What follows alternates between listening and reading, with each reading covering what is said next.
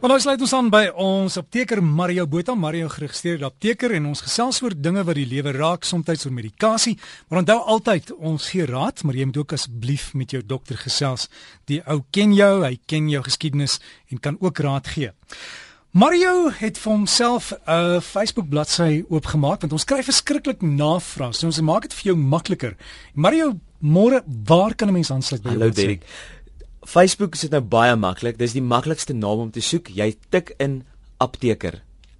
As jy apteker gekry het, dan die Engelse like, like jy dit met daai knoppietjie, jy klik op hom en jy's deel van die blad. En dis baie oulik. Ek sit wenke op, ek praat met jou deur die week, ek vra raad baie keer by die luisteraars of by die by die aanhangers van die blad en dit is nogal oulik, is interaktief en dan ook waar ons praat ver oggend word dan op die bladsy gepost in die Engels nou, um met 'n link waarop jy kan klik dan nou en dan speel die post dan nou weer. So dis nogal oulik. So gaan gaan join soos wat die Engelse sê en dis maar die Facebook taal, gaan join die blad en like hom met daai knoppietjie. En jy soek net vir apteker op Facebook. Mario, ons praat vanoggend oor CPR of KPR. Wat's wat's die term daar? Hoe jo, sê dit? Dit is CPR is die die term wat ons almal ken en yep. vir die gemaklikheid daarvan gaan ons maar praat vandag oor CPR, maar die Afrikaans is KPR kardiopulmonêre resusitasie. So dis nogal 'n groot woord.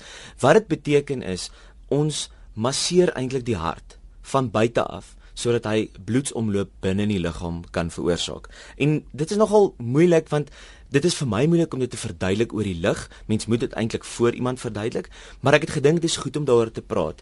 En as jy wil meer inligting daaroor kry, gaan na jou naaste brandweer toe of hospitaal toe. Iewers gaan daar 'n kontaknommer wees van 'n groep of 'n mens wat dit aanbied en gaan doen dit. Ek dink dit is fantasties om dit te doen en ek het op die fan page dan nou op die apteker fan page het ek 'n uh, ding gesit wat ek sê as jy kan CPR doen, like hierdie post.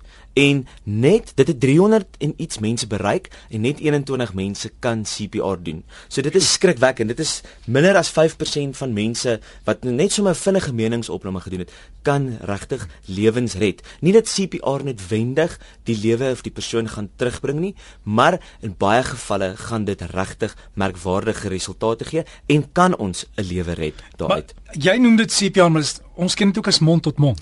Ja, daar is 'n verskil. Ja. Mond tot mond beteken ons help die pasiënt wat nie meer asemhaal nie, help ons met asemhaling. Die sleg daarvan is, wat doen ons? Ons blaas eintlik koolstofdioksied vir die pasiënt in, maar in iets soos verdrinkings is dit wonderlik, want as ons mond tot mond doen, dan forceer ons ligtelik dan nou lug binne in die longe in en ons verplaas dan die water sodat die long weer sy normale en en 'n regte toestand kan bereik sodat asemhaling en gaswisseling kan plaasvind. Maar wat is KPR of CPR? Dit is wanneer iemand, jy staan in 'n ry, iemand slaan regtig mors dood voor jou neer en daar is geen puls nie. Ons kan net KPR of CPR doen as die persoon nie 'n puls het nie. So as jy nie weet nie, kyk kyk na sy borskas, kyk of dit lig of daar asemhaling is as die persoon regtig vir jou dood lyk, dis baie goed om op die skouers dan te tik en om te hard nogal te slaan op die skouers. Dis 'n baie gevoelige plek vir mense. En as iemand bewusteloos is maar nog kan reageer, dan sal die persoon wys dat dit seer is of dit reageer. As die persoon niks doen nie, dan weet ons hierdie persoon is in 'n toestand waar ons nou KPR kan doen. As ons daar 'n puls is en jy doen KPR, dan kan jy meer skade veroorsaak aan die hart. So dan mag regtig die persoon moet regtig eintlik maar dood wees en voor jou lê.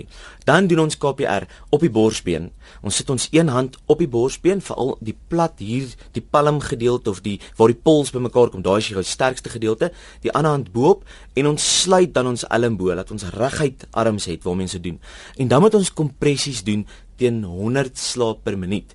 Nou dis nogal um vinniger rig. Dis vinniger as wat ons dink, maar daar's nogal wenke op die internet en hulle sê die BG se liedjie Staying Alive is nogal die beste vir die ritme. Vir die ritme. Yep. So dis die a a 1 2 3 4. Daai ritme, die 1 2 3 moet ons dan doen. Hoeveel keer doen ons dit? Vir 30 keer doen ons hierdie op 'n diepte van 5 cm. Nou 5 cm is nogal diep. Baie, ja. En mense sê baie keer maar ek gaan iets breek. Ja, jy gaan jy mag dalk 'n rib of twee breek. Ons in in CPR of KPR of eerste hulp sê life over limb en dit is nou maar Engels, maar waar gaan dit? Ons breek eerder 'n been, dis een beentjie, maar ons red eerder 'n lewe. So dit is nogal belangrik. So dan doen ons hierdie kompressies 30 keer En na die 30 keer gee ons twee noodasemhalings. Ons druk dan die neus toe.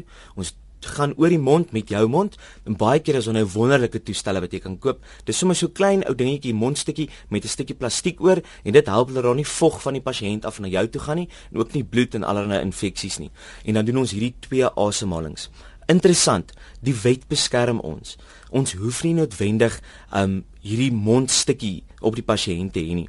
Hulle sê ook dat om net die kompressies te doen, net hierdie hartmasserings te doen, is baie belangriker as om die twee asemhalings te doen. So dis nogal interessant. Ons ken dit as mond tot mond, maar dit het heeltemal verander en ev evolusie het so half plaasgevind in in die terme van CPR of KPR dat ons nie meer mond tot mond hoef te doen nie. Die bloed het genoeg suurstof as ons massering toepas dat daar bloedsomloop kan plaasvind en veral na die brein toe om dan hierdie nodige suurstof wat in die bloed nog steeds is by hierdie organe te kry en sodat dit die pasiënt aan die lewe kan hou. So dis nogal belangrik. Maar dit is 'n baie moeilike ding dat jy is moeilik om te verduidelik. Daar is op die internet goed. Hulle kan ook na jou bladsy gaan kyk. Hulle kan ja. Jy sal skakel.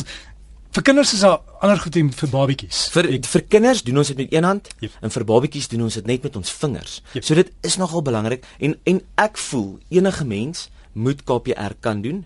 En as jy 'n ouer is, wil ek jou amper dwing om ten minste vir een sessie te gaan van KPR. Waar gaan 'n mens vir so 'n sessie? Wel, dit, jy gaan op die internet moet soek. Oral in ons dorpe is daar groepe en organisasies wat op 'n weeklikse of 'n maandelikse basis hierdie KPR'e en hierdie opleidingssessies toepas. As jy ook dan nie weet nie, gaan na jou naaste gimnasium toe. Ja, of sit, sit dit op Mario se aptekerbladsy. Of sit dit daarop. Jy kan met liefde vir my dit daarop gaan post dan nou en dan sal ek dit op my muur skryf en hierdie hierdie webwerf um, nommers of kontakbesonderhede opsit. Ons moet almal KPR doen en veral wanneer daar iets soos 'n swembad in jou erf is, is dit baie baie belangrik dat jy weet hoe om KPR toe te pas op iemand of op 'n geliefde. Jy kan 'n lewe red. Die lewe is kosbaar. Kom ons help mekaar.